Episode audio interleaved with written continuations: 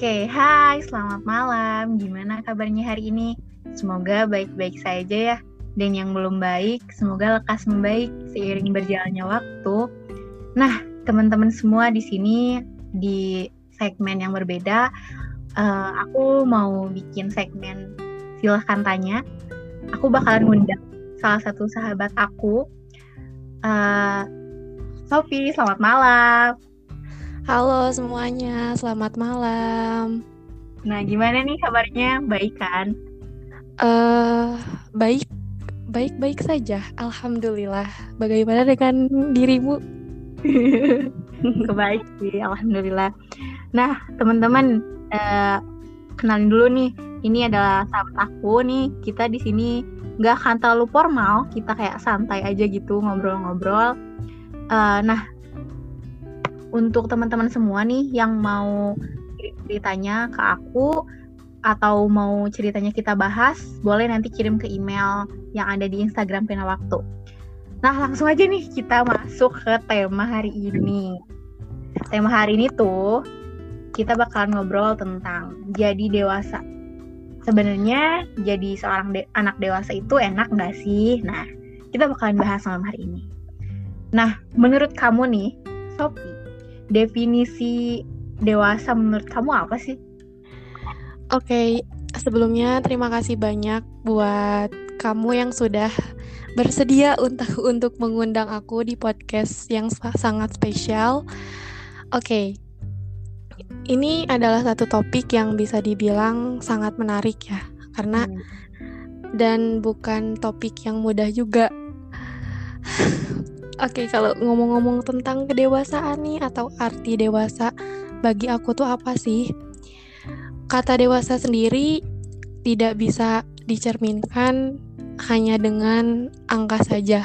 Hmm. Tapi di mana arti dewasa ini ketika kamu sudah matang bukan hanya secara fisik tapi juga secara emosional. Begitulah.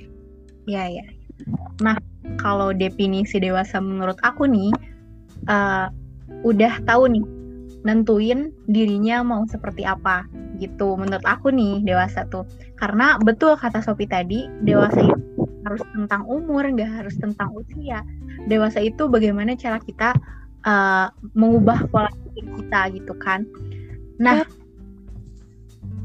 sebenarnya nih ketakutan dari seseorang yang uh, sudah dewasa gitu. Banyak banget sebenarnya kan ya ketakutannya. Nah uh, menurut kamu nih ketakutan terbesar apa yang buat kamu uh, lebih merasa kayak overthinking gitu terlalu memikirkan sesuatu berlebihan menurut kamu nih? Oke. Okay. yang pertama pasti ekspektasi yang orang-orang udah simpan terhadap diri aku sendiri kadang ekspektasi yang kita punya dengan ekspekta ekspektasi yang orang lain punya itu lebih besar ekspektasi yang orang lain punya. Nah, dan hal itu kan tidak bisa kita kontrol. Iya. Ketika misalnya kita mempunyai ekspektasi dari orang-orang, oh kamu pasti bisa gini, kamu nanti bakal dapet ini, kamu bisa dan segala macam, tanpa kita sadari itu menjadi doktrin terhadap pikiran kita oh kita harus bisa kita jangan gagal. Nah itu sih yang paling berat menurut aku ya. Karena jujur itu terkadang gak nyaman ketika misalnya aku diri aku sendiri nggak bisa kontrol dan akhirnya ya overthinking pikirannya ke mana-mana ketakutannya menjadi berlebihan dan takutnya nanti malah e, berdampak kepada fisik sendiri gitu ya jadi sakit dan segala macam nah iya sih aku pun sama sih sama Sopi kayak ketakutan terbesar biasanya tuh kayak ekspektasi orang ya gitu yeah. Iya. uh, kita nggak bisa tuh eh, mencegah orang gitu untuk nggak berekspektasi sama kita tapi kan kita manusia ya kita pasti uh, kayak punya orang lain tuh ngasih tanggapan lah ke kita gitu. Nah menurut aku nih uh, kayak ketakutan terbesar itu bukan hanya dari masalah kita sendiri tapi kayak masalah uh, dari apa ya ma bisa dibilang kayak masalah yang timbul dari hati gitu. Kayak mungkin keinginan kita nih uh, akan menjadi tindakan kan tapi yeah. di tindakan ini tuh uh, yang ngebuat orang-orang uh, tuh kayak berkomentar. Sebenarnya sama hampir sama nih sebenarnya kayak cuman mungkin lebih ke diri sendiri aja yang terlalu takut gitu. Takut ngambil keputusan takut ngambil uh, jalan yang beda gitu. Takut kayak di iniin orang gitu takut diomongin lagi sama orang-orang iya. gitu. Sebenarnya takut ketinggalan itu, orang gitu. Nah itu sih. Mungkin ya ketakutan terbesar dari orang-orang dewasa mungkin gitu nah ada lagi nih. Uh, bener nggak sih ketakutan uh, seorang yang dewasa itu berorientasi ke masa depannya. Menurut kamu gimana? Ya pasti kan kenapa uh, ketakutan tuh lebih berorientasinya tuh kepa kepada masa depan karena maksudnya masa depan kan gak ada yang tahu bagaimana nanti jadinya atau nanti kita jadi apa di umur sekian. Nah ditambah sekarang tuh mulai banyak orang-orang yang uh, sudah menilai atau menyimpan sebuah penilaian sendiri. Kayak nanti di umur 20 tahun kamu harus sudah punya ini loh, di umur 17 tahun harus gini loh, nanti umur 25 kayaknya harus sudah nikah dan segala macem gitu yang mana itu terkadang menjadi tekanan diri kita sendiri ketika misalnya kita tidak bisa memenuhi suatu penilaian tersebut. Dan takutnya ketika misalnya kita menghadapi uh, atau kita ngerasa oh kayaknya uh, di umur segini kok aku belum punya apa-apa, aku kok nggak bisa sesukses orang lain. Bukannya itu membuat suatu semangat baru, tapi malah menjadi tekanan ke diri sendiri yang di mana membuat diri sendiri itu lebih kayak down, jadi bingung uh, action apa yang harus diambil atau jalan mana yang harus dicari, solusi apa yang harus ditentuin gitu. Iya sih benar, itu aku setuju. Aku nggak akan berkomentar aku setuju untuk hal ini aku setuju iya banget. ya, kan? ya karena gini kayak kita uh, terlalu takut gitu untuk kayak padahal nih tindakan kita tuh kan kita nih nanti nantinya yang bertanggung jawab tuh kita kan gitu. Bener jadi nggak usah nih nggak usah takut apa yang kalau misalkan kita pengen nih ya udah lakuin aja gitu. Lagi itu gak ngelanggar ya gitu menurut aku nih. Yeah. Udah lakuin aja gitu karena uh, masa muda itu atau uh, masa yang menuju kita dewasa itu nggak akan terulang nih, nggak akan terulang dua kali gitu. Iya. Semuanya itu bener-bener kayak terbatas banget gitu. Kayak apa yang pengen sekarang lakuin, ya sok lakuin aja gitu kan gitu. Benar nah, banget dan masa muda tuh jadi masa yang paling krusial kalau menurutku karena hmm. kalau dipikir-pikir nih uh, ketakutan seseorang untuk memulai suatu hal yang baru itu adalah penilaian orang lain. Hmm. Aku pun masih suka berpikir akan hal itu. Ketika misalnya mau coba hal baru, pasti berpikirnya tuh, eh nanti tanggapan orang lain gimana ya? Ini orang bakal suka atau enggak? Uh, atau hal yang aku bikin ini bakal diterima orang orang lain atau enggak? Padahal hmm. itu bukan suatu hal yang istilahnya jangan kamu pikirin dulu dari awal-awal gitu karena ya maksudnya sebagus apa pun lah istilahnya sebagus apa pun karya yang kamu buat sebesar usaha apa pun yang udah kamu lakuin yang namanya orang yang gak suka itu ba pasti bakalan ada. Karena gak mungkin semua orang tuh bakal suka sama karya kamu. Contohnya diri kita pasti diri kita juga punya suatu hal yang mungkin kurang kita sukai. Nah orang lain pun begitu gitu. Ketika misalnya kita terlalu memikirkan penilaian orang lain itu terkadang menjadi suatu hal yang membuat kita sendiri tuh gagal untuk grow, untuk maju dan untuk tumbuh. Kayak gitu. Benar sih. Nah, ada kaitannya nih sama pertanyaan selanjutnya. Bener nggak okay. sih kalau jadi orang dewasa itu terbatas? Gimana menurut kamu nih? Oh, oke. Okay. Terbatas dalam artian apa nih? Kayak mungkin dibatasi uh, ekspektasi orang yang tadi kita bahas tuh dari awal. Oh iya iya iya. Bener nggak sih? Dibilang bener ada enggaknya juga, tapi kalau dibilang enggak 100% tapi ada benernya juga gitu. Yes.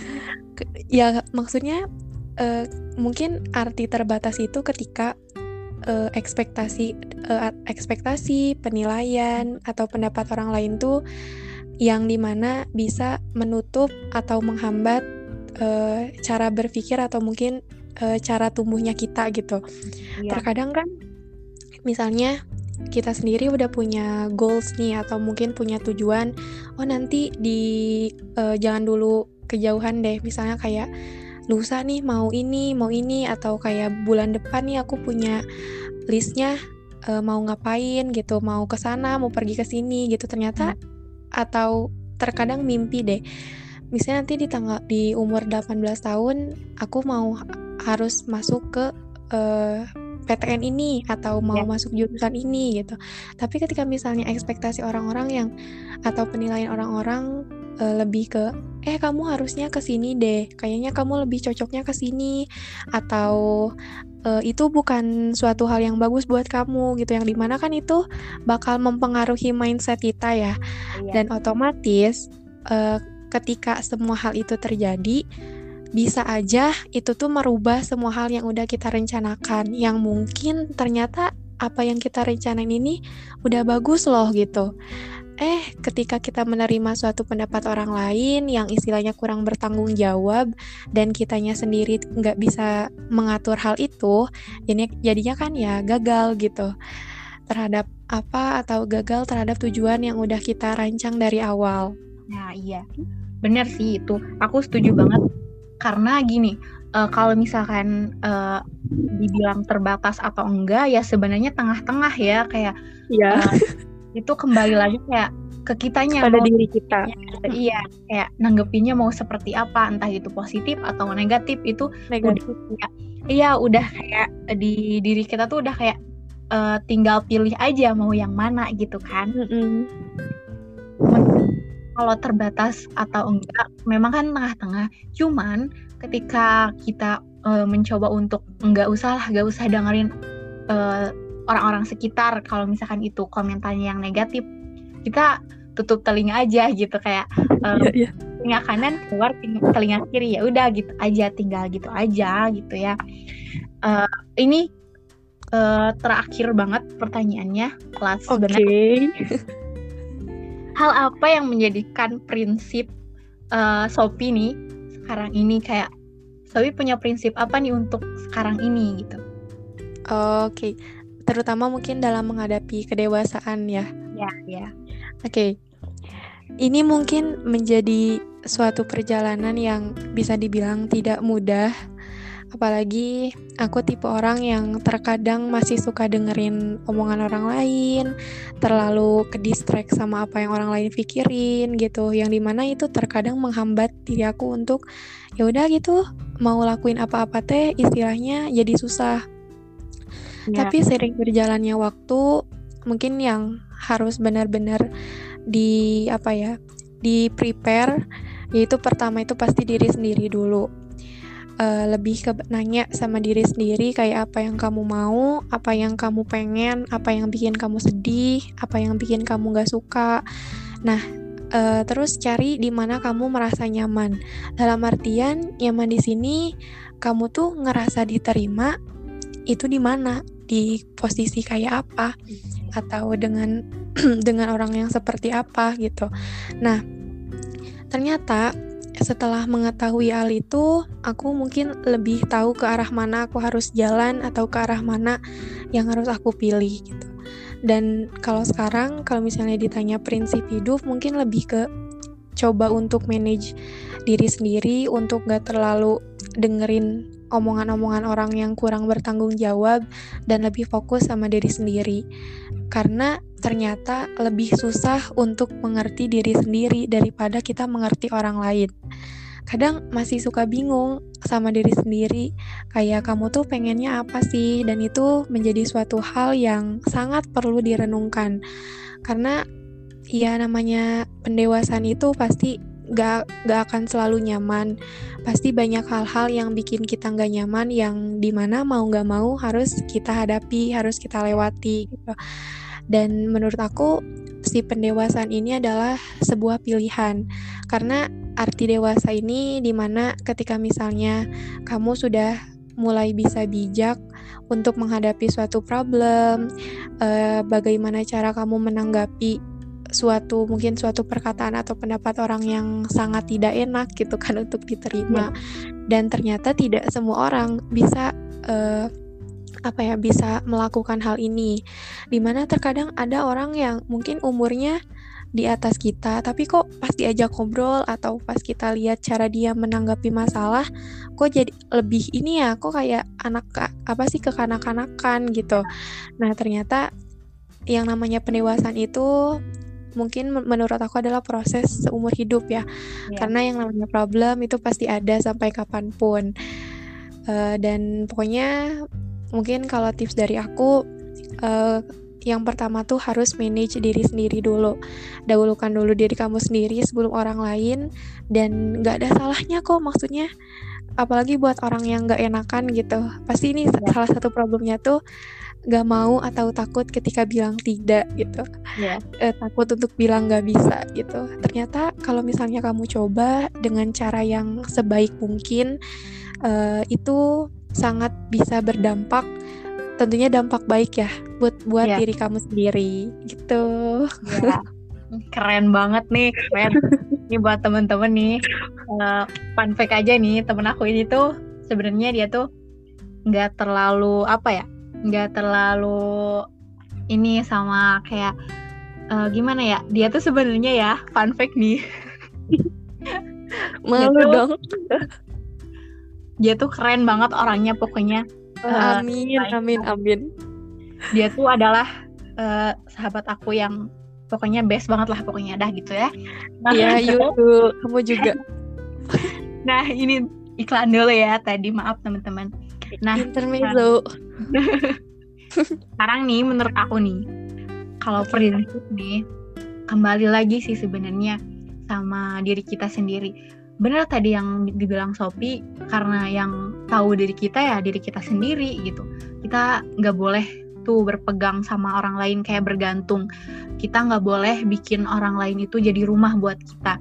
Karena yeah. uh, lambat laun nantinya kita bakalan uh, pergi kan dari rumah itu entah si rumah itu yang pergi atau kita yang pergi gitu.